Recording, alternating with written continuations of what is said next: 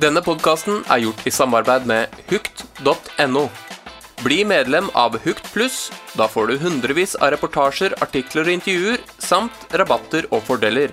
Dette er en podkast ifra Fisk og Preik. Se der, det vaker masse. Vakne fisker, i hvert fall to-tre Det stykker. er, det er noe annet enn i Norge. ikke sant? Her er en liten fisk. Det er en fisk under to kilo. Det var mer gress enn vann. Fjerde gang han tok, så satt han på i to sekunder. Velkommen til denne podkasten som nok en gang skal handle om fisking. Fisking kan man gjøre over hele dette langstrakte land. Nå kommer det en syklist forbi her. Fisking kan man gjøre over det hele Fisking! Skal vi begynne på nytt? Nei, altså, jeg skal straffe deg nå, fordi du, du lot ikke meg få en eh, ny sjanse forrige gang. Så Da er bare- dette en del av podkasten. Ja, bare Velkommen til denne podkasten som nok en gang skal handle om fisking. Fisking kan man gjøre over hele dette langstrakte landet. beklager å avbryte, altså, men nå kommer det en med hund her. Dette er helt ny erfaring for oss. Ja, nei, ja, start på nytt, du. Fisking kan man gjøre over hele dette langstrakte land, som sagt. Fra Finnmark i nord til Kristiansand i sør.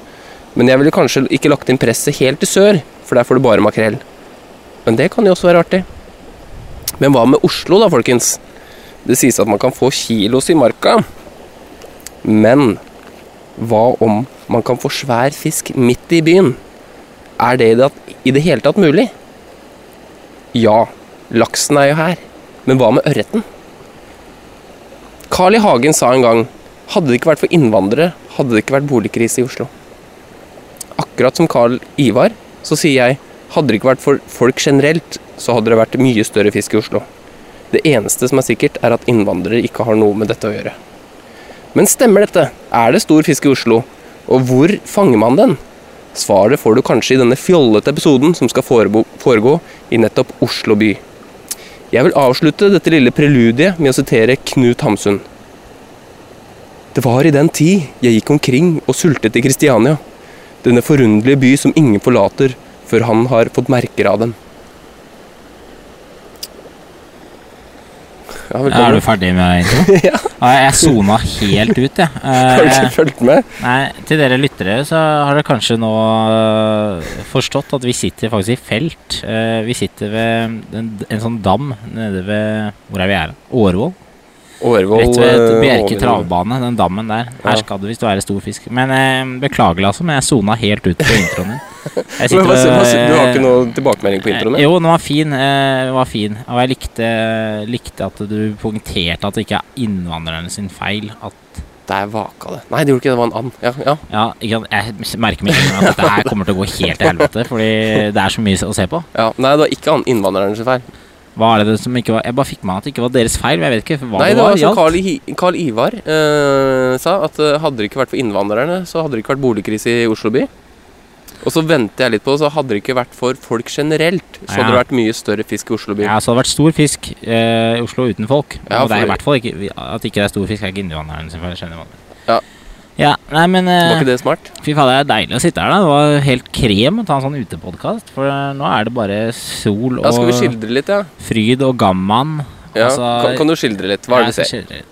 Nei, Vi sitter her på en uh, flott benk, ser ganske ny ut. Har en sånn svak bris, tre-fire meter per sekund, tenker jeg, fra sør. Men denne lille dammen den er jo så liten, og så det er så mye siv rundt dammen, så det, vinden får ikke skikkelig tak. Da, så det er masse insekter på vannet. Er det, Er det det? ja, hvis du myser litt, så ser du en Det er i hvert fall eh, veldig mye mm, mm, måker. Ja, mye fugl, mye unge måker. Ja, det er ungmåker de leker. Ungmåker, De koser seg i ja, de- strandkanten der. ja. Det er en uh, liten eh, strand, rett og slett, av sand. Ja. Jeg er litt overraskende at ikke det er noen som legger seg nedpå her og ligger liksom og slapper av midt på denne dagen. Det kan ha noe med å gjøre at det er midt i arbeidstida.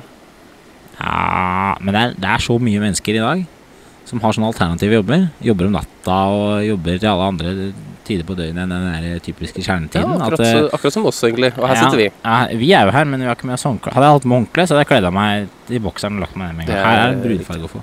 Har det skjedd noe siden sist? Ja, bare eh, Før vi begynner, så også, må jeg også nevne at det er en eh, flokk på kanskje 20 hvitskinn hvitskinn-gjess her. Det er, ja, det er riktig. Det, det, det er ganske skyter, er ikke det? det er ganske kult skue. da Den, den kan man jakte på. Ja, akkurat den hvitkinnen den er jeg litt usikker på. Ja, jeg har ikke peiling. Gås øh, Grågås vet man kan øh, Og canadagås kan man skyte. Kan du skyte grågås? Ja, ja Sædgås, da. Uh, hva for noe? Jeg skjønner ikke Sædgås. Sædgås, ja. Uh, litt usikker. Jeg skjønner ikke hvorfor det er så Det er så vanvittig mange arter med Gås? gås. Og så ser du dem så sjeldent. Men når du først ser dem, så er det bare så dritmange av dem. Ja, og så det er liksom sånn med svaner At sånn svaner da, for eksempel Det er som campingvogner Det er en sånn kul referanse jeg pleier å ta Men hvor mange hekkende svanepar tror du det er i, i Norge? Uh, ja, kanskje 1000? Det er ganske godt estimat Men det er i underkant av 1000 Rundt 800-900 tror jeg Ja. Men de svanene, vet du Du føler jo at du ser svaner hele tida Men Ja, det er jo bare fordi de er så svære Ja, jeg tror det er det samme med campingvogner At det er ikke så jævlig mye campingvogner Men det er umulig å ikke se dem ja. Skjønner. Ja. Nei, siden sist. eh, det er jo ikke lenge siden, siden, siden sist. To, to dager. To døgn. Ja, det er to, eh, to, to netter. To netter. Um, jeg har eh, vært og fiska faktisk en ettermiddagstur nede på Jeløya. Sier du det? Har Ja. du vært og fiska sjøen? Jeg har vært og tatt en eh, sjøtur, og det var ene og alene med mål om å få um, havabbor.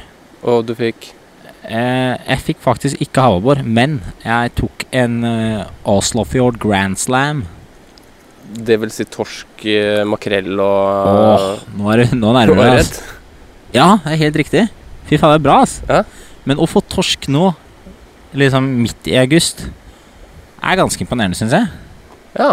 Så torsken var kanskje Men Super Grand Slam hadde det vært hvis du hadde fått havår i tillegg, eller? Ja, hvis jeg hadde Eller fått ål. i tillegg. Jeg har fått all, så tror jeg vi hadde snakket sånn ultra super grand slam. Ja, jeg skjønner. Men altså, er det ikke sånn tre arter, er eh, tre arter, og i hvert fall inkluderer du ørret og makrell og torsk på sommeren, så er det grand Ja, det, det, det høres ut som en knalldag, da. Men Ja. du knerta makrellen og spiste den i middag? Eh, makrellen fikk gå.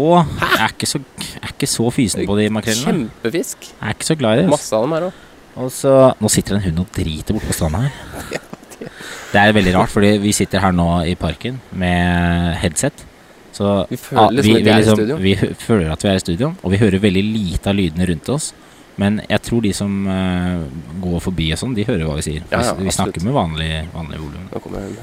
Ja. Um, ja, og så var jeg en liten tur uh, bak uh, oppi en liten skaueflekk i Ås i dag og plukka sopp. Og det er sånn fascinasjon Der vakka det faen meg. Det er, det, nei, det Ja, er der, ja. Ja, det var ikke Det var ikke fugl. Det var vak, det. Og du fikk sopp, eller? Ja, jeg fikk masse sopp. Uh, tok en grand slam der òg. Og hva er det som skjer der i overflaten? Ser du Oi! det? Ja, det er en Hæ? Å, den, Det var fisk, det der. det var det. Det jaggu Den der gikk i Bare gikk og ploga som en Ja, ubåt i overflaten. Lagde en sånn skarp ved. Ja, hva skjedde med øh, soppen? Nei, jeg plukket kanskje en halvtime, og så fant jeg fant jeg, jeg fant 1,6 kilo med kantarell og steinsopp. 1,6 kilo, det er Ja. ganske mye sopp. jeg gikk og plukket i McLean-hoven min, og så eh, rett inn eh, i kollektiv etterpå til innveiing. Og det skal sies at jeg var den eneste deltakeren, men jeg, det, jeg vant den konkurransen. Så Porama kalte jeg det. Ja, gratulerer med å være den eneste deltakeren. Da. Takk, takk. Skal vi ta og øh, se om vi klarer å finne en fisk mens vi venter på gjesten, eller? Ja, kanskje vi skal gjøre det, men du må ikke glemme å fortelle hva du har gjort siden sist, da. Uh, jeg har pådratt meg en liten forkjølelse. Har du det? Liten. Altså som, ikke, som henger litt. Den, uh, den, så det, det er vel det mest interessante fiskemessig.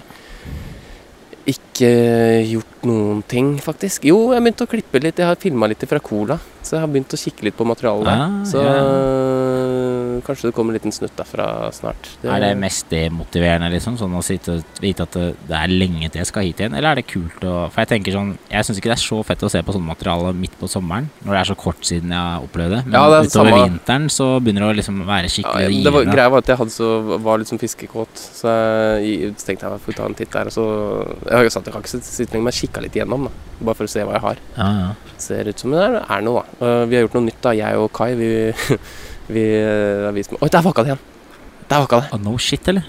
Bare fort deg snakk ferdig, og så må vi bort der og rigge stanga. Ja, Poenget er i hvert fall at vi snakka engelsk på den snutten, og det er jækla kleint. Men uh, vi får se hva det blir til. Har du lagt Husker du noe Har du noe aksent fra New Zealand, eller er du Nei, veldig sånn det var der, mer sånn Nei, det var ikke norsk engelsk. Jeg prøver å være litt uh, litt American? Ja, det er sånn jeg pleier å prate. Sånn Yeah, um, so Kai, there's a rising crowd over there, so we're trying to To catch it with this caddis fly. Det er liksom den uh, stilen Ja, der. ja, litt sånn. Litt international. Ja, s- Ja, ja. Nei, men det blir kult å, kult å se når den kommer ut. Mm. Nei, han er eh, godeste gjesten vår, han drøyer litt nå. Ja. Jeg, tror vi, jeg, tror tar en, jeg tror vi tar og kjører en Mens vi venter, så kan dere høre den gjesteintroen. Dagens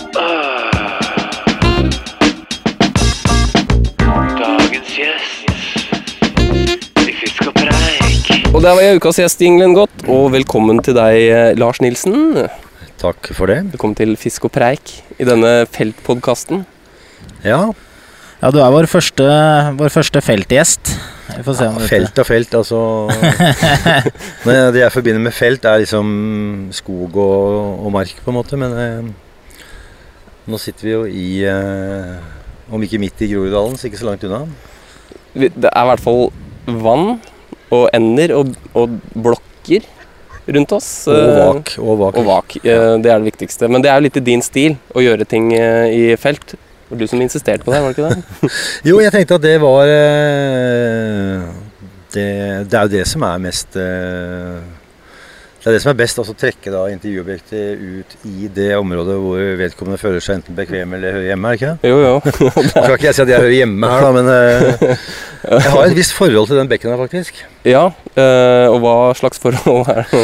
Nei, altså vi, vi sitter jo nå i eh, ved en utposing eller en kunstig anlagt dam av Hovindbekken, ganske langt opp, oppe ved Mm. Nesten oppe ved Travbanen. Hva er heter det? Bjerke? Ja. Bjerke. ja.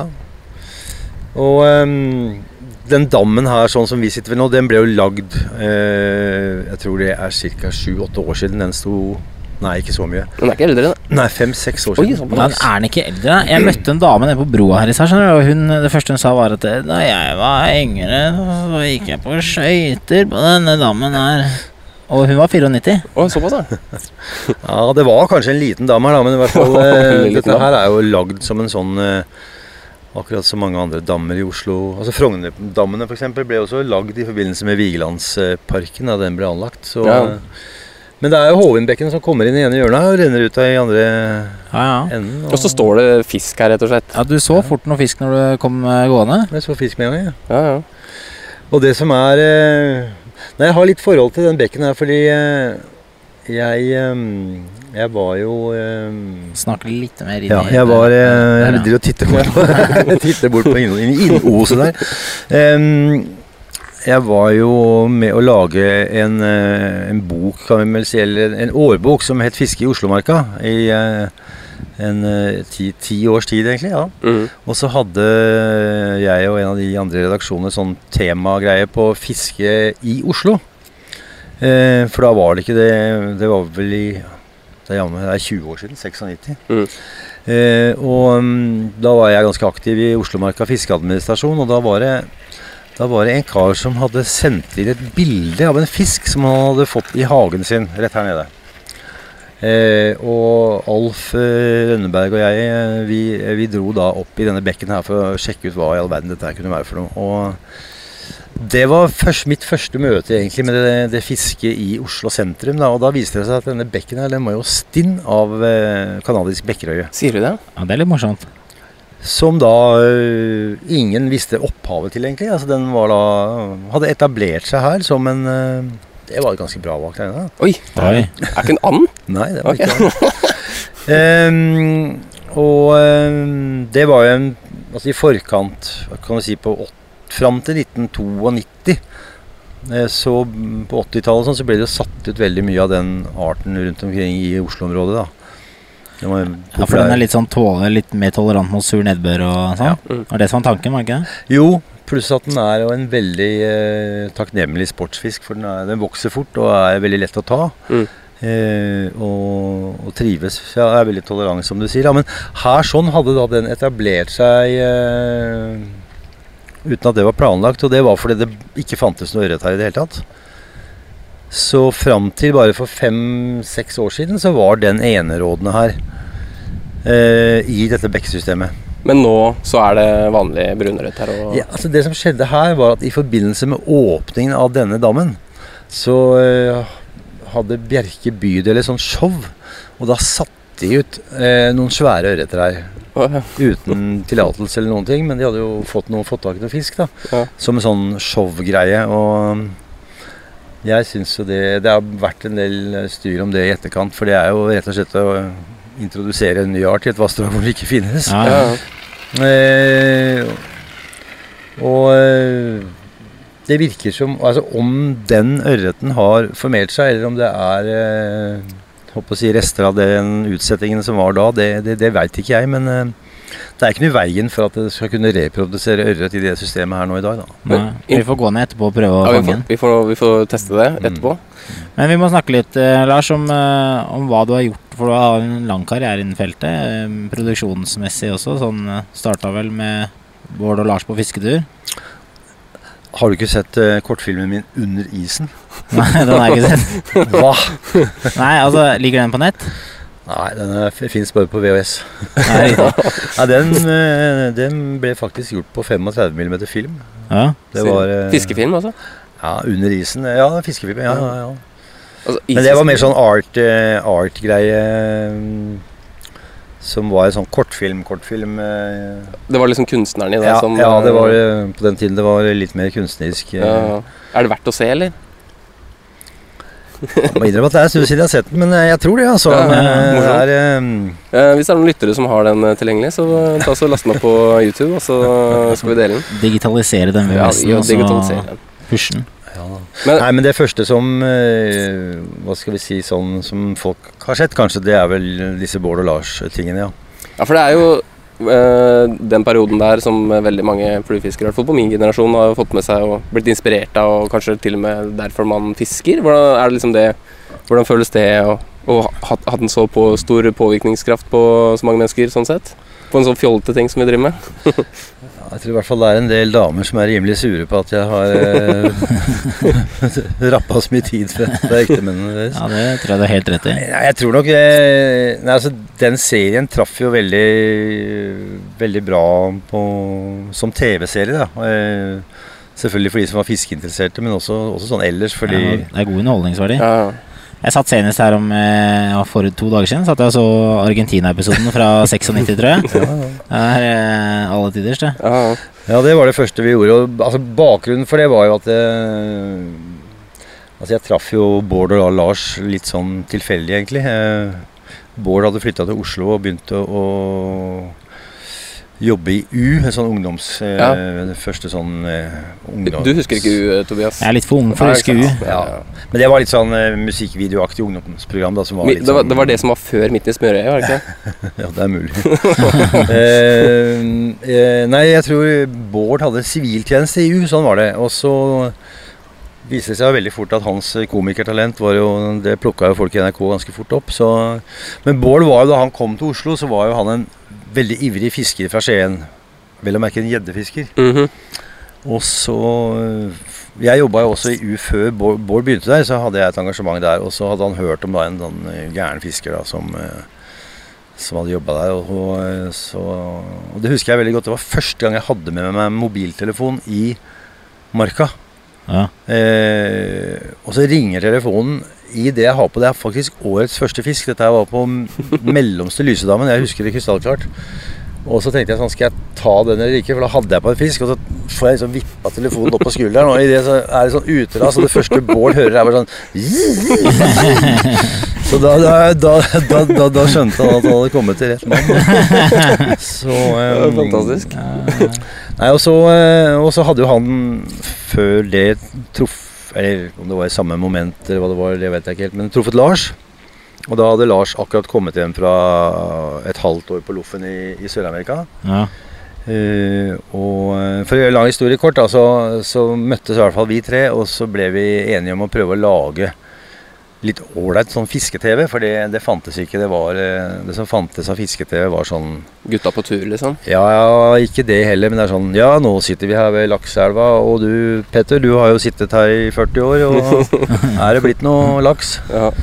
Men, eh, men eh, lagde dere dette på eget initiativ, eller hadde dere NRK i ryggen? Når dere Ja, det vi gjorde, var at vi Vi dro opp til Altså, da var det litt lettere på en måte å få lagd eh, ting. For vi var så frekke og ba om å få et møte med Tordis Åvaldsmark, som da var eh, underholdningssjef i NRK. Og så sa vi til henne at eh, vi har lyst til å lage et reise slash humor slash fiskeprogram. hvor vi tre drar på tur. eh, og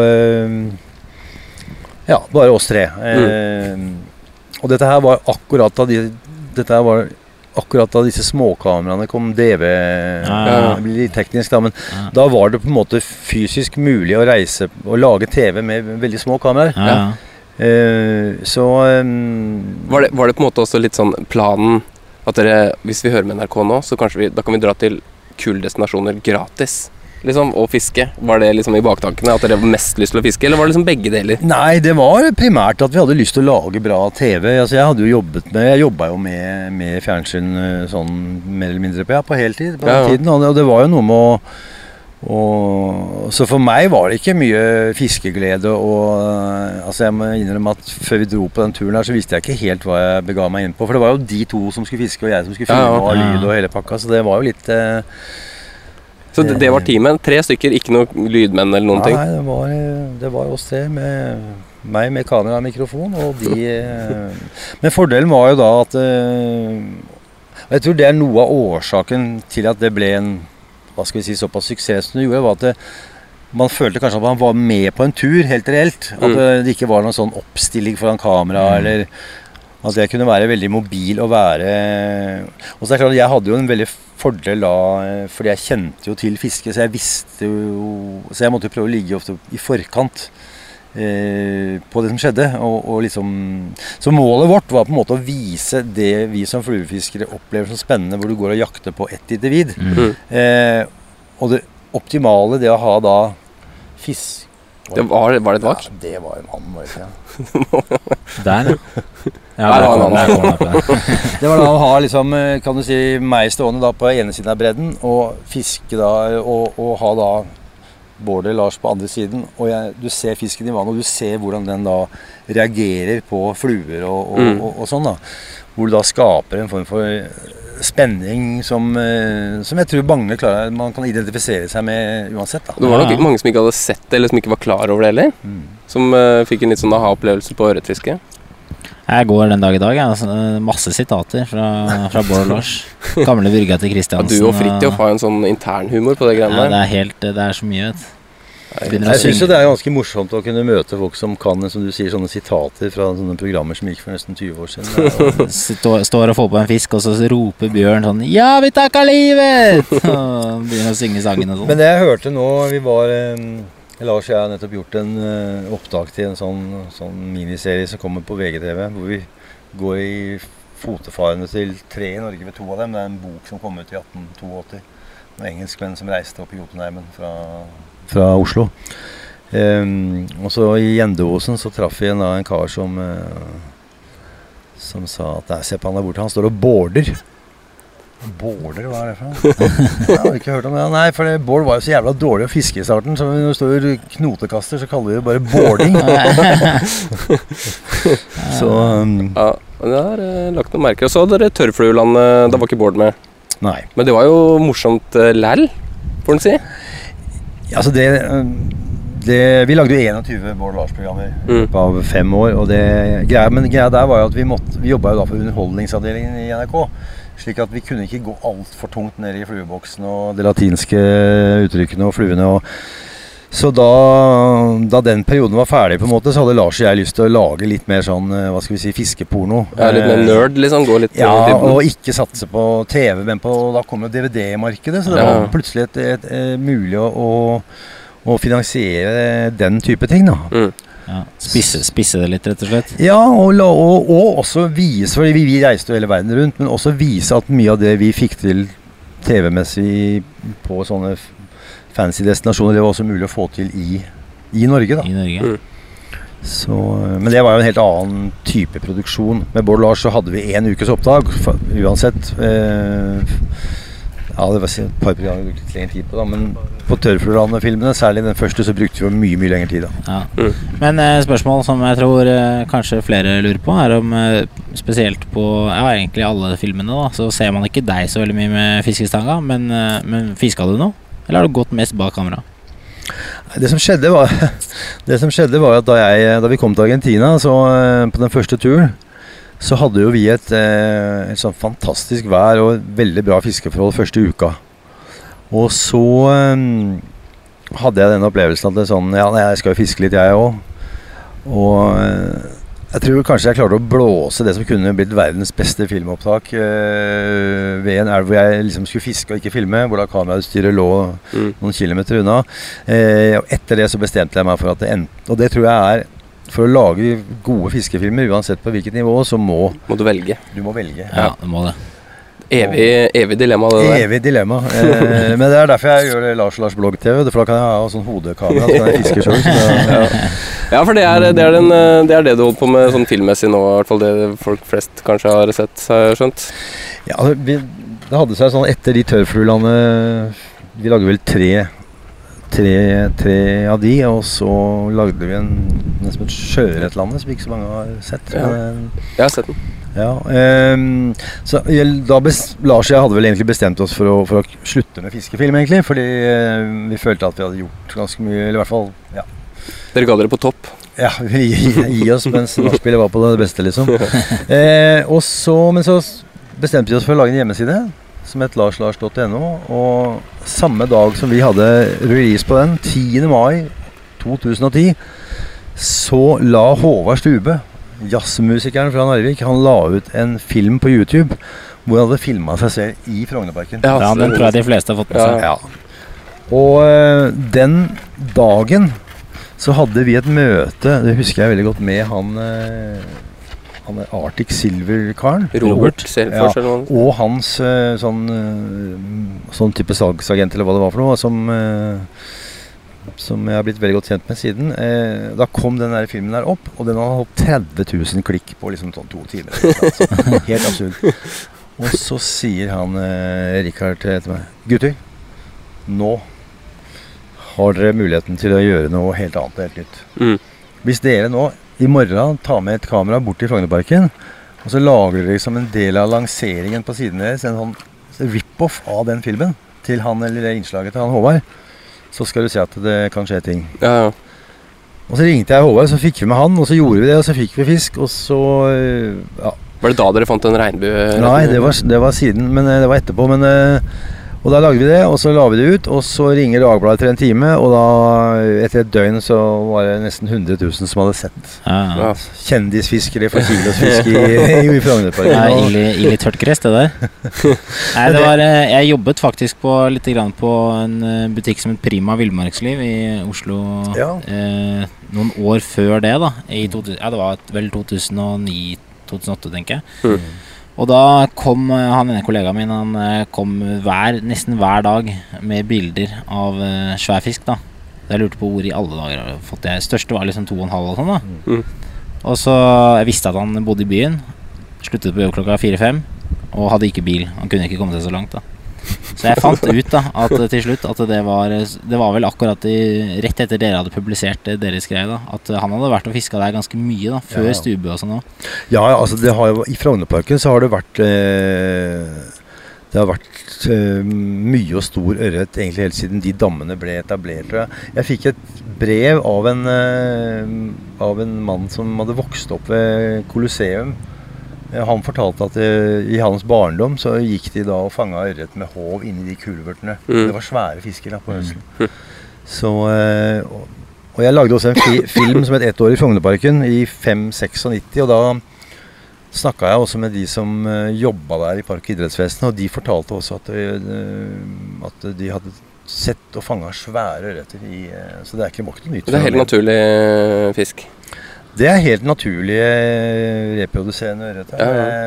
Eh, Og hvis du ser på det habitatet, akkurat som du ser på dette her òg, så eh, Så er det Altså, vi har en idé om at ørret er en sånn eh, Altså fjellets fisk, det klare, Mm. kalde vannet jeg eh, er ikke noe særlig glad for det, men jeg må vel innrømme at eh, jeg har vel kommet fram til den konklusjonen at ørret er på mange måter fiskens svar på rotte. Altså den Såpass, ja. trives, trives nesten best Ja, Den er veldig pragmatiker, da, men den, trives faktisk veldig godt der hvor det er tilsynelatende ser ganske dodgy ut. Men det er klart det er masse næring. Mm. Sånn som uti her i Frognerdammen det ligger masse løv og råtner på bånn. Mm. Det masse mm, Masse mat, rett og slett. Og mm, så lenge det er eh, og, og da gode gyteforhold. Og så er det litt giftutslipp og dritt innimellom, så at du danker ut noen årganger kanskje. Så dermed så blir det ikke for mye. Ja, ikke sant? Det er Kjempe, kjempefin kultivering der også. Naturlig kultivering. Et og annet klorutslipp og Ja. Ja. Du har også skrevet noen bøker. Jeg tenkte bare, Jeg måtte bare nevne Jeg bare nevnte til deg i stad, den eh, 'Naken og vidda'. Det er verdens særeste konsept. Hva, hvis det er ingen som har lest den, så må dere lese den. For det, det handler rett og, slett om, at du går naken over eh, Hardangervidda. Det er synd at du oppfatter boken som at det er det den handler om. Nei, det er kanskje ikke det den handler om, da. Men uh, som tittelen uh, sier, og du står vel også naken på den forsida, gjør du ikke det? Ja, det var en sånn uh, Den, den boka kom ut på Kagge forlag, og Kagge er en god forretningsmann, så det var han som egentlig insisterte på at det, det bildet skulle være på forsiden. da. Men, eh, men den boka var jo fra Jeg bestemte meg for å gå alene fra Vestlandet til Oslo Ja. en gang. Og, og det gjorde jeg. og det var, Jeg ikke, gjorde ikke det for at det skulle bli en bok, men jeg hadde jo med meg kamera og notater og, og sånt noe. Og så øh, følte jeg at da jeg kom, kom hjem fra den turen, at jeg hadde såpass mange fortellinger rundt den, både den turen og as assosiative tanker rundt det, at det kunne bli en bok. Og det ble det. Men det stemmer, jeg gikk ikke naken på den turen. Men, men jeg hadde en periode hvor jeg vel må betegnes som nudist. Ja, hvor jeg og gikk naken øh, både i Femundsmarka og på. Jeg mener å huske det Hvis jeg ikke husker Det er en stund siden jeg har lest den boka, men eh, jeg tror det var Det er digg eh, å gå naken på fjellet. Ja, men jeg kan tenke meg det. ja, Hvis det er varmt nok. Men det var et snitt, avsnitt der som jeg tror du nevnte at du traff på en far og med en liten sønn, og der han faren hadde blitt ganske gæren. Du kan tenke deg selv hvis du går med familien på liksom eh, Det var i Femundsmarka, og der er det ganske sånn Det er ikke så lett escape som Hardangervidda. Så kommer du rundt et sving, og så kommer en, en mann med ryggsekk og langt hår og caps kliss naken. eh. Du begynner å lure Jeg skjønner jo at han ble litt eh, lang i maska. Men var det litt sånn risiko Følte du at det var litt sånn risiko, og så bare var litt adrenalin inn i bildet? på en måte Nei, nei, for meg var det det mest naturlige eh, da å gjøre. Jeg kunne ikke skjønne hvorfor ikke alle gikk nakne. Men gjør du det fortsatt? Nei, jeg har slutta med det. Det er eh, Det er eh, Det var liksom en periode. Ja, Er det ikke sånn det er? At man har forskjellige perioder i livet? Det var liksom nudistperioden. Nakenperioden. Jeg, jeg, jeg vet ikke om jeg gleder meg eller gruer meg til jeg kommer i den nudistperioden selv. Men eh, jeg tror du kan begynne å prøve deg litt på, på huk på naken. Kan Ja, ja. begynne der, så skal du eskalere videre. Det virker så jækla Altså, jeg syns det bare virker så mye Det det er så svett. Det er egentlig det ordet jeg har for uh, sånn uh, nudistting. Altså, ikke gå på fjellet, men sånn huk, da. Ja, det er helt Du må jo lukte folk, liksom. Lukter eh, naboen. Det er fort, hvis den ikke har men vaska altså, seg. Forskjellen er ikke stor med, med uten badebukse, hvis du tror det. Det er kanskje ikke det. Nei, jeg tror Men det er jo sånn poseringssted, og du kan si Men det er litt uh, interessant og den Altså, vi har denne blogg, Lars og Lars blogg-TV på VGTV. Vi har laget 170 episoder eller noe sånt. nå, Og den episoden som er mest sett, det er eh, da vi dro inn til Svartkulp innafor Sognsvann. Ja, Ja. Som var det der Det er jo litt det er både Dodgy. Jeg ja, fiska er der en del, faktisk. Og, eh, og litt mer andre andre ja aktiviteter. det, det er alt. For å si det sånn, det ligger noen nakne mennesker der nå. Det kan jeg garantere. Nå, ja. Ja, ja. Jeg tror det var akkurat det. Det. Men eh, i, på, i den episoden da, så var det ikke én fisk. Vi så kanskje ett vak. Men eh, den ble da sett av 140 000, og det sier ganske mye om Sier mest om Folk. Folk er interessert i nakenhet. Altså, først nakenhet, deretter fisk. interessert i. Jeg vet ikke. De Det er, er kjempekombo, Ja. faktisk. Burde du fiske mer naken, faktisk, og filme det. Eller vi var jo ikke nakne i det hele tatt. Vi hadde jo Ja, ja, men jeg hadde, men jeg hadde faktisk en ganske spesiell opplevelse i Svartkulp. Fordi eh, det var før det vannet var noe særlig kjent. Så var det en kar som sendte meg en video av da en vanvittig ørret eh, som han hadde fått opp på helt inn til land. Og så opp på liksom en sånn bergknaus. Som deisa ut igjen, og det var en ørret på 3-4 kilo. Altså, det? en dritsvær fisk. da Og så ville han selvfølgelig ikke fortelle hvor det var. Eh, og Han det skjønner jeg veldig godt. Han bare sendte deg klippet for å tease Ja, deg litt sånn tise litt, eller hva det var. Men eh, så så var det litt sånn give and take da jeg ga noen tips, og hvis du sier det. Og, for jeg syns det var interessant. Og han sa det er mye nærmere enn du tror. Og, så var der, ja. ja, og så var den filma Altså Hvis du går drar innerst i, i det svartgruppa der, så ser det ut som et hvilket som helst markavann. Liksom. Du forbinder jo ikke det med noe, ja. noe annet enn det. Og, så jeg dro dit, da, bare sånn for å se, og så kom jeg på en sånn myr innerst der. Og da hadde jeg sånne lettvektshvalere. Mm. Eh, og da, da Jeg visste at det var noen nakne folk der, men øh, da jeg sto ute på den myra, så var det sånn Jeg følte at det var litt sånn øh, Her er det liksom Og så begynner jeg se meg ut, og så står det altså fem forskjellige karer med kikkert. Og to av dem står og napper seg i løken mens jeg står og fisker. Liksom. Nei. Ja, det, Nei. ja, det, Ja, fy faen. det var, Nei, jeg har faktisk vært borti litt av det samme der sjøl. Det må jeg innrømme. Men jeg har ikke jeg, jeg, jeg, var det, jeg bodde rett ved Sognsvann før. Og da dro jeg bort til Sva- det, var, det var et fak Det er Ja, hoppeavis, det. fisk. Eh, da husker jeg at jeg, i nord... Nei, sørenden er det vel, ved den Myrøya. Gikk jeg langs kanten der, og da kom det en fyr Altså en helt vanlig fyr, da, men poenget var det her var jo sånn tolvtida. Han hadde kommet der med arbeidsklær. Han var tydeligvis snekker eller noe sånt. Så jeg bare lurte på hva i helsike er det han gjorde midt på dagen. det var litt suspekt. Og så kom det et par andre karer etterpå like Nei, det var veldig, veldig suspekt, kan man si. Men eh, det vannet der har faktisk en ganske interessant historie, fordi eh, 19, Det skriver jeg om i den siste boka mi. For i 1967 så, så bestemte man seg for at det skulle være på en måte et sånt fiskesenter for Oslomarka. Eh, og I forbindelse med det så hadde da OFA kjøpt 500 kg regnbueørret fra Danmark. Ja. Eh, som de skulle sette ut der og skulle ha sånn kickoff-start på noe sånt, eh, det fiskesenteret. Ja, ja, ja. Det var den tiden det var lov å. Men så var det noe med at eh, arbeidene var ikke ferdig med sånne flytebyggere og sånn, så de måtte oppbevare disse fiskene ned på, på settefiskanlegget sitt i Sørkedalen. Og de fiskene viste seg at de hadde fiskesykdommen furunkulose. Og det var første gang den sykdommen ble påvist i Norge. Og det, det var faktisk eh, bakgrunnen for at man i 1968 forbød all import av levende, levende fisk og, og sånn til, eh, til, til, til Norge. Da. Ja, så det var danskene som, eh, som sto for det. Ja. Ja.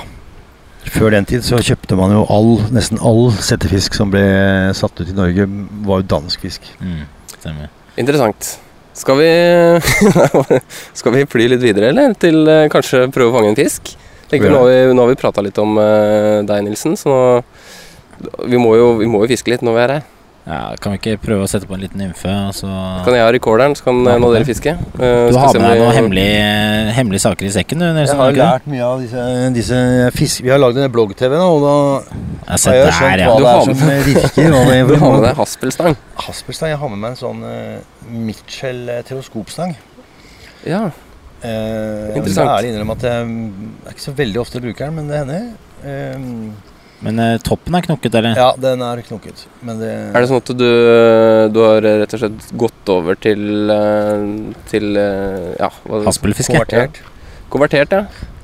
Nei, det er vel å dra det litt langt. Men eh, altså, jeg er jo jeg er en lett påvirkelig person. Altså, I siste så har jeg vært sammen med mye sånne fangstmenn, og jeg ser jo helt klart hva det er som gir mest fisk. Altså.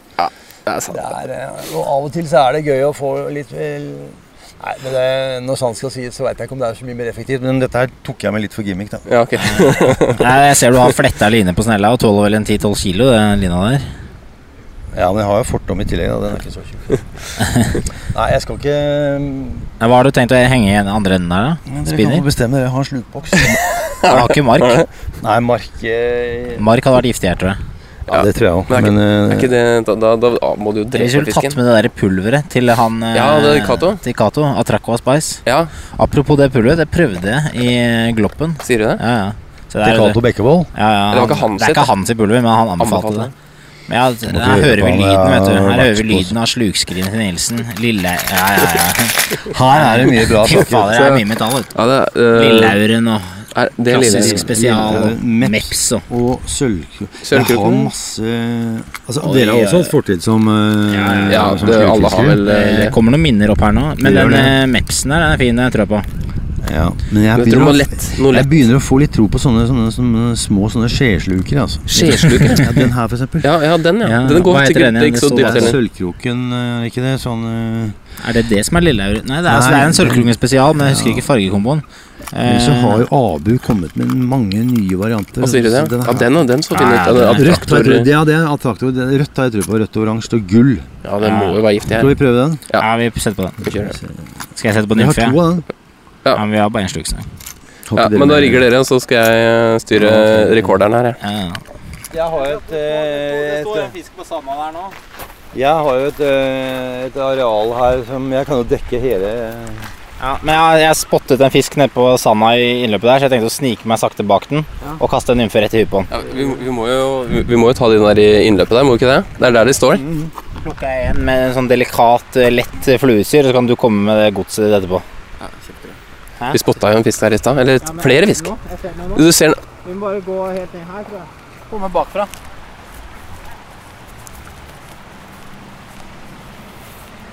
Ja, Tobias eh, sniker seg altså bak uh, ørreten her. Jeg ser den ikke. Jeg skjønner ikke hvor du mente det. oh, ja, det er helt oppi Men Det som er fordelen her, vet du, er at fisken er så vant til folk og måker og Ja, så det er ikke så lett, eh, Se her, det er jo 40 gjess som ligger her. Der står den. Oppå sanda der. Oppå den Ja, der, hvite ja. flekken. Hva er det du sier for noe, Tobias? Dette her er jo helt sjukt. Her går jeg langs land. Det ser ut som Der det, Her kommer det en fisk.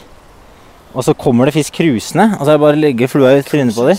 Det er cruisers, akkurat som New Zealand. Og så kommer de og tar seg nå. Arrowcast, flua i vannet. Mhm. Fisken står stille. Nå ser den flua snart. Der ser den flua!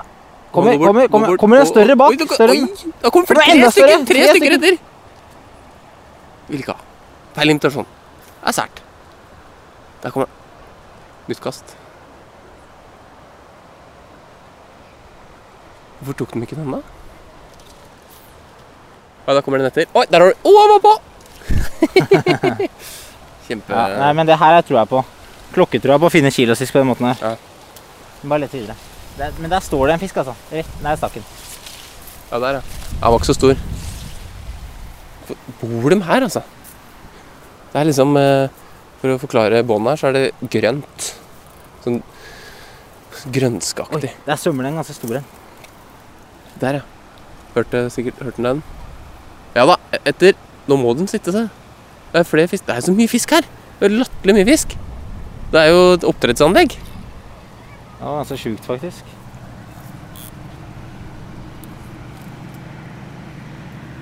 Ok. Ja, Nilsen er eh, ja, Dette her er eh, imponerende, altså. Er det, går det liksom en dypere enn eh, midt inni her, eller?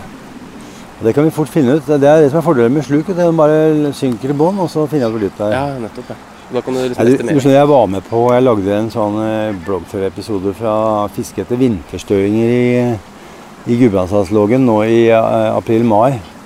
Og da var jeg sammen med to av Norges Oi, ja, det er, Oi, oi, oi! Ja, det, det, det er svær fisk, vet du! Så da Det er faen meg svær fisk. Ja, Kjempe...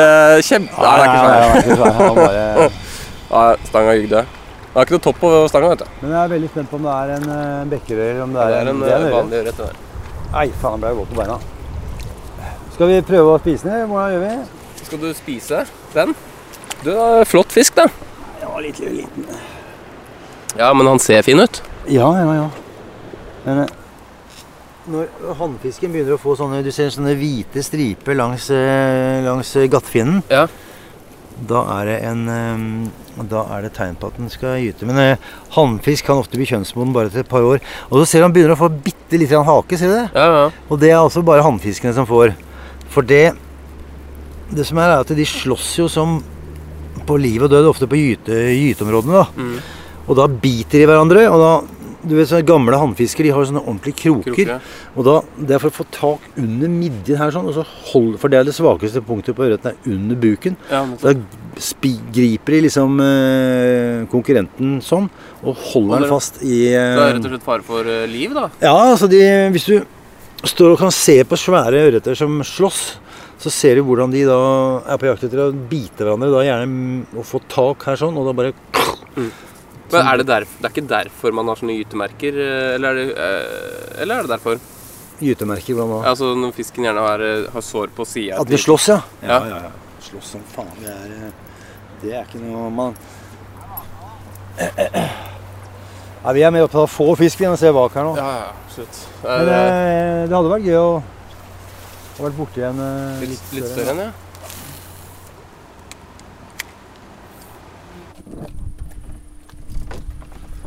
Ja, oi sann. Ja, nå har vi forflytta oss. Ja, vi, må, vi må komme oss litt inn i skogen. Det er det det egentlig handler om, da. Ja. Er ikke det?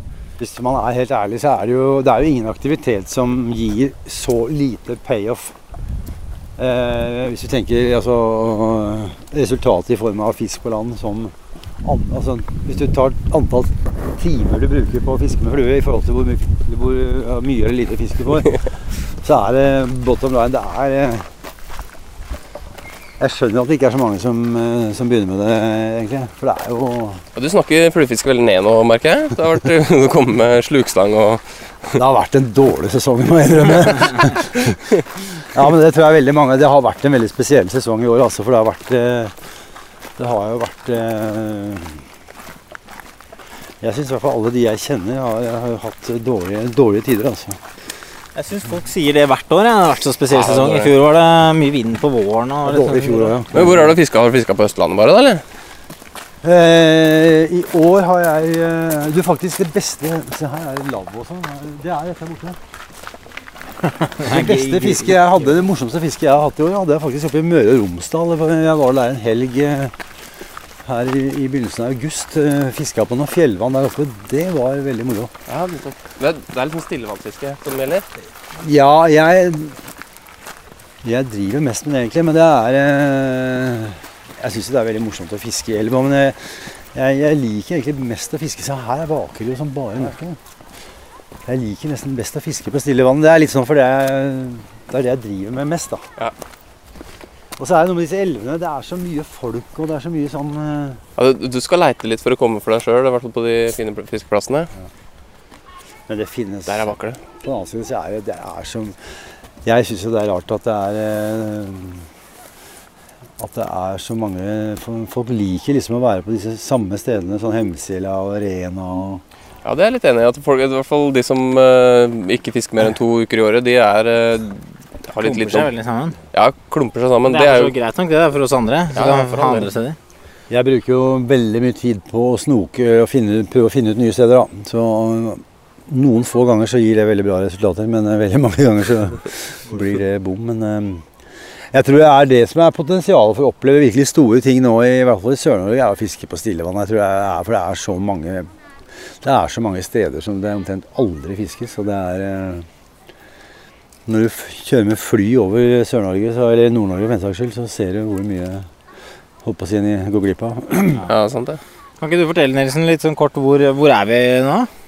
Du, nå er vi eh, ved Isdam. Det er her Hovindbekken starter. Og jeg tror det er her de bekkerøyene ble satt ut i sin tid.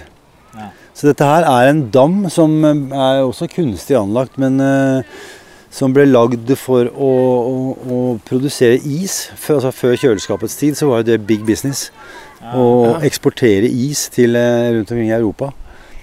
Og da, da hadde de også karper i sånne dammer, for de spiste jo opp gress og, og sånt noe for å få renest mulig isblokker. Så eh, det. Det er litt interessant, da. Men er det, flere, er det mer karpe her nå, eller? jeg, vet, jeg vet ikke. Det var karpe her for noen år siden, men eh, vi vil sikkert se de hvis de er her fortsatt, da. Jeg Hvor, tror Hvor skal vi prøve? Karpe er jo eh, Det er ikke Da bør vi på med fluktstol og øl og sånn. altså. Vi må fôre opp plassen nå, vet du. Er det mais som gjelder, eller? Ja, du, altså, jeg har ikke peiling på det der. Men, Det er ikke lenge til du har peiling eh, den retninga du går i. Kommer Ja, hvis jeg begynner med karpefisk, da er det på tide at noen eh, Det er sikkert fin sånn arena å sitte og vente på at uh, den der nappindikatoren begynner å ule, og så kan du sitte og skrive bok og filosofere. kjempe Jo, men du har, hvor mange har du ikke tenkt å Jeg tenker sånn alltid Nå tar jeg med liksom et eller annet jeg Tar med Mac-en inn på skauen og bare sitter og venter, og så sitter og gjør litt det jeg egentlig skal gjøre. Men det blir jo ikke til at du gjør det når du er i skauen. Du, du, Nei, jeg kjenner du jeg går rundt og titter og, og, og, og ser og Skal vi prøvesluke den, eller? Ja, ja. det, er, det er egentlig det du står og tenker på. Står og tripper. Få opp slukstanga. Det er mye folk her. eh, I hvert fall en tolv stykker. Ja. Badende er mest tidlig om morgenen, da. Ja, det er det. Nei, det er Før folk har stått opp. Ja, det pleier å være ofte, eller?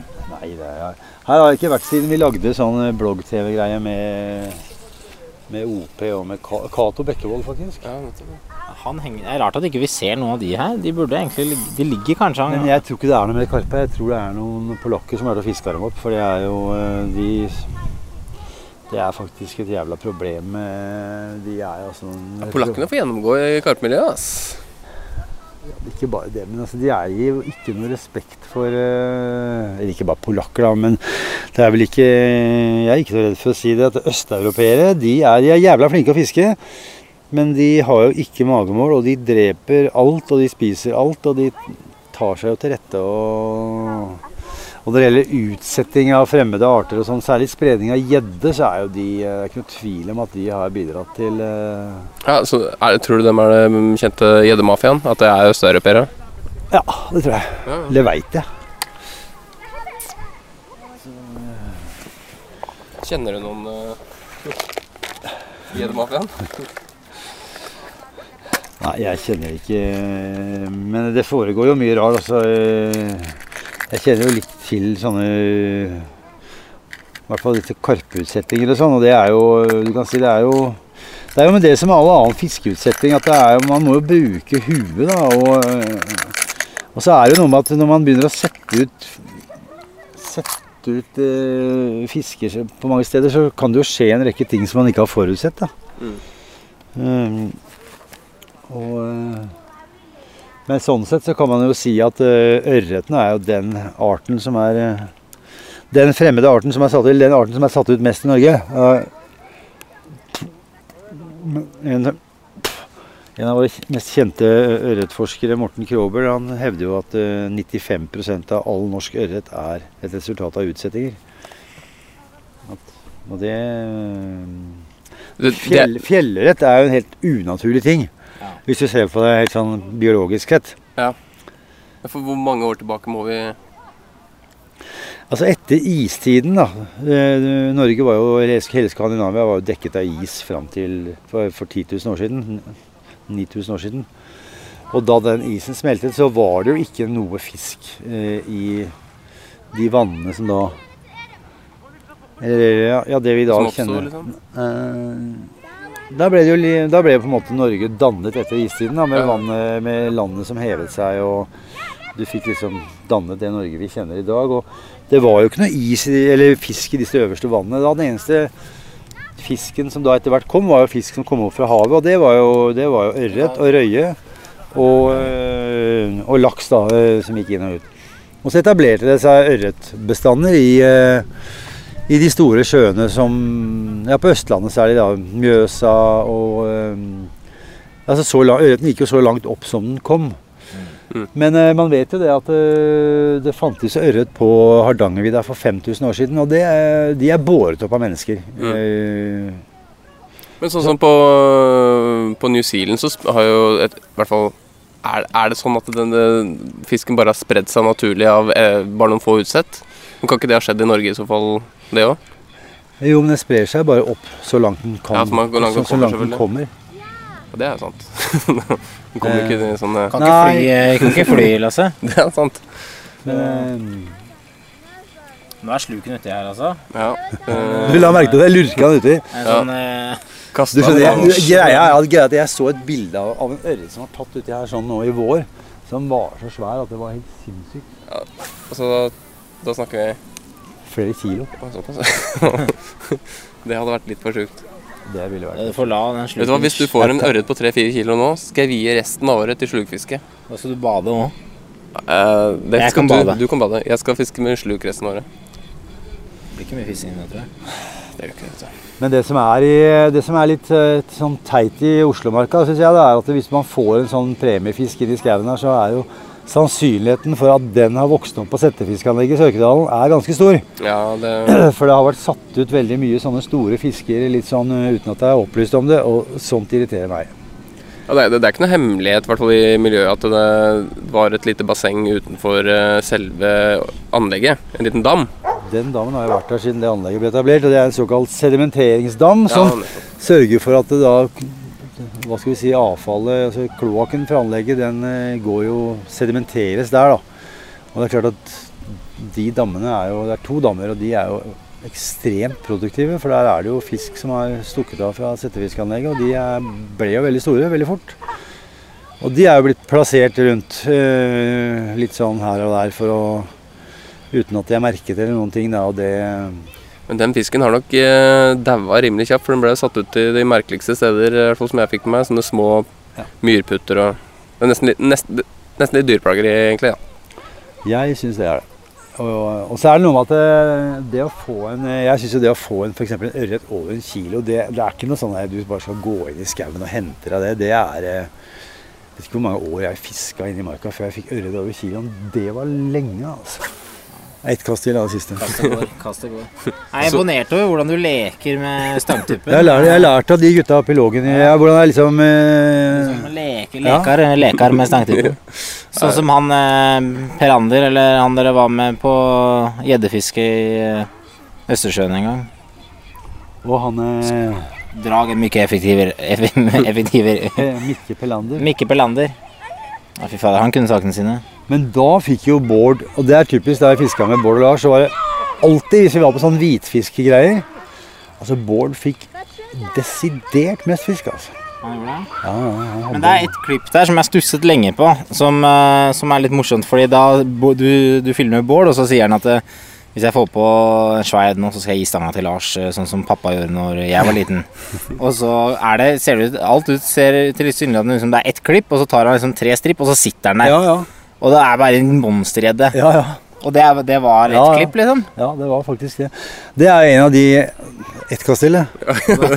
det, er- det. Er den turen her, da vi bare, Det er en av de få turene hvor vi virkelig fikk mye fisk. Altså, som regel så var jo det Altså, det var eh, langt mellom karamellene. Altså, det var mye jobbing for å få det vi trengte, liksom. For, Ja. Jeg kan se for meg at det, det å gjøre research var kanskje litt annerledes vi, eh, på slutten av 90-tallet også. Liksom før eh, store internett kom. Og jeg tenkte sånn når dere dro til Argentina og, og fisket da. Sånn, Oi. var den der? Eh, ja, det er klart at det var en helt annen virkelighet, det. Men Oi! Var det en fisk som vaka over lina di? Men jeg har en møkk på kroken. Nei, vi gidder ikke dette. Jeg føler meg dum. Men eh, da hadde jo. Lars han hadde jo vært i Argentina et uh, år tidlig, i mm, det var et halvt år eller tre kvart år, så han visste jo veldig mye, da. Ja. Så. Men du kan si det har jo forandra seg veldig. Det der med Informasjon. Og det er klart at vi har jo sånn som den der vi filma i Tørrfuglandet. den første filmen, den vanngrøfta som den heter, den elva der, den, den ble jo helt fullstendig herpa etter at vi etter at det kom fram hvor vi hadde vært, da. Mm. Så eh, Så det er jo eh, Jeg skjønner at noen ble sure. Ja, du lar sluken henge på, ja. Nei. Ja, du tar den, Ja, du tar den, ja, ja. Får skifte. begynner Du bruker tenna, bruker tenna ja. Nei, men det har vært veldig moro å, å ha deg med, Nilsen. Jeg har lært litt, lært litt sånn slukteknikk. Ja. Ja, det, det, det blei jo altså, du fikk jo nesten like mye på flua, gjorde du ikke det? Jeg fikk en eh, to-tre stykker. Men jeg, hadde, jeg gikk og spotta de. Jeg hadde flere bortpå, men eh, de fiska med mottakerløs. løs. Hæ? Gjør det? Nei, var det bare den flua der hadde ikke mottaker, så vanskelig å krukke. Nei, men Vi kan jo oppsummere med at vi har uh, lært litt om uh, Fiske i Oslo. Faktisk så må vi jo eh, svare på spørsmålet som jeg stilte i eh, introen. Ja, hva var det? Og det hørte jo ikke Lars, for han var ikke der. Men jeg, jeg eh, spurte om eh, går det an å få stor fisk i byen. Og det har vi vel egentlig fått svar på, har vi ikke det?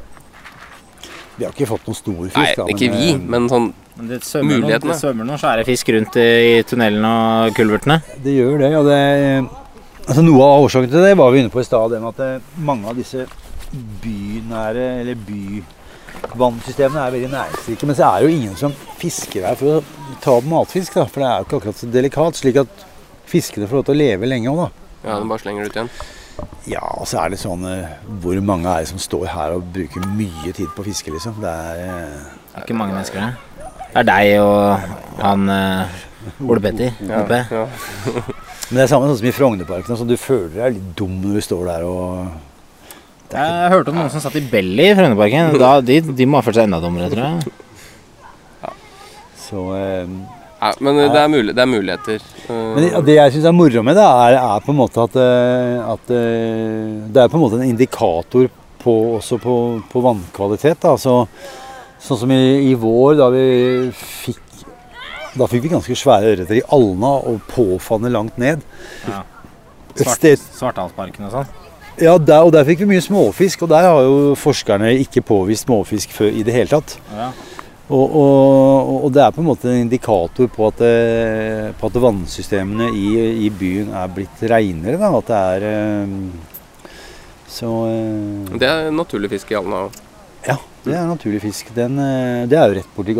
Det starter jo altså Den renner jo forbi Grorud og så ned Ja, jeg har gått gjennom Svartesparken der, og jeg har sett de baki der.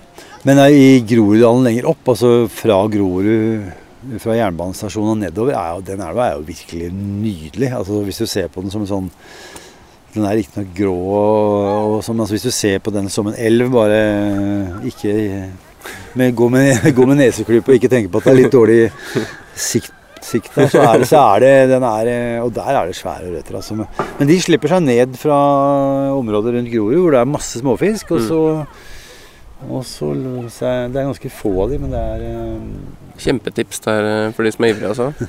Kom dere opp i Groruddalen. Nei, men Det er altså mulig da, å få stor fisk i, i Oslo. Svømmer en og annen sværing rundt. Hvis man har dårlig tid og sånn. Bare stikke ut og fiske. Vi hadde jo, skulle vi bare avslutte med den der ukas anbefaling, eller episodens anbefaling. Har du noen anbefalinger, eh, Lars? Hva da? Har du noen eh, anbefaling? Vi har en sånn spalte som heter Episodens anbefaling. Uh, hvor man skal fiske? Nei, bare en generell am. En generell anbefaling? hva Vi må bare kjøre, vi må bare kjøre Ja, vignetten Kjøre vignett. Da kommer vignetten. Episodens anbefaling. Har du en anbefaling, eller? Det står mellom uh, Sølvkroken, Kobber og Rød og uh, Hvilken andre var det? Lillehaugen var den som var effektiv? Ja, det husker jeg ikke, men den den og Rød, den gikk den på første, i hvert fall. Og så er jo Meps. Er Meps det er Ja, Er det Meps? Du anbefaler Meps? Ja, jeg er god for det, altså. I hvert fall. Da, da er det på en måte siste ord. Nei, men jeg vil også anbefale. Ja, vil anbefale. Jeg anbefaler dere å se den eh, første episoden av Alene, der Cato Bekkevold står med termometer langt oppi ræva oppe i Nord-Norge, på vidda. Det er hysterisk morsomt. Det er faktisk det jeg så selv. Ja. Eh, Da må nesten jeg komme med en anbefaling òg, da. Ja. Les eh, 'Naken og Vidda'. Veldig morsom bok.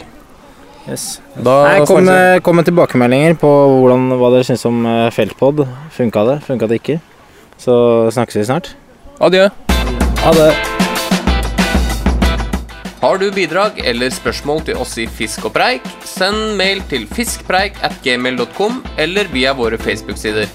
Husk også å sjekke ut hukt.no og Hukt pluss.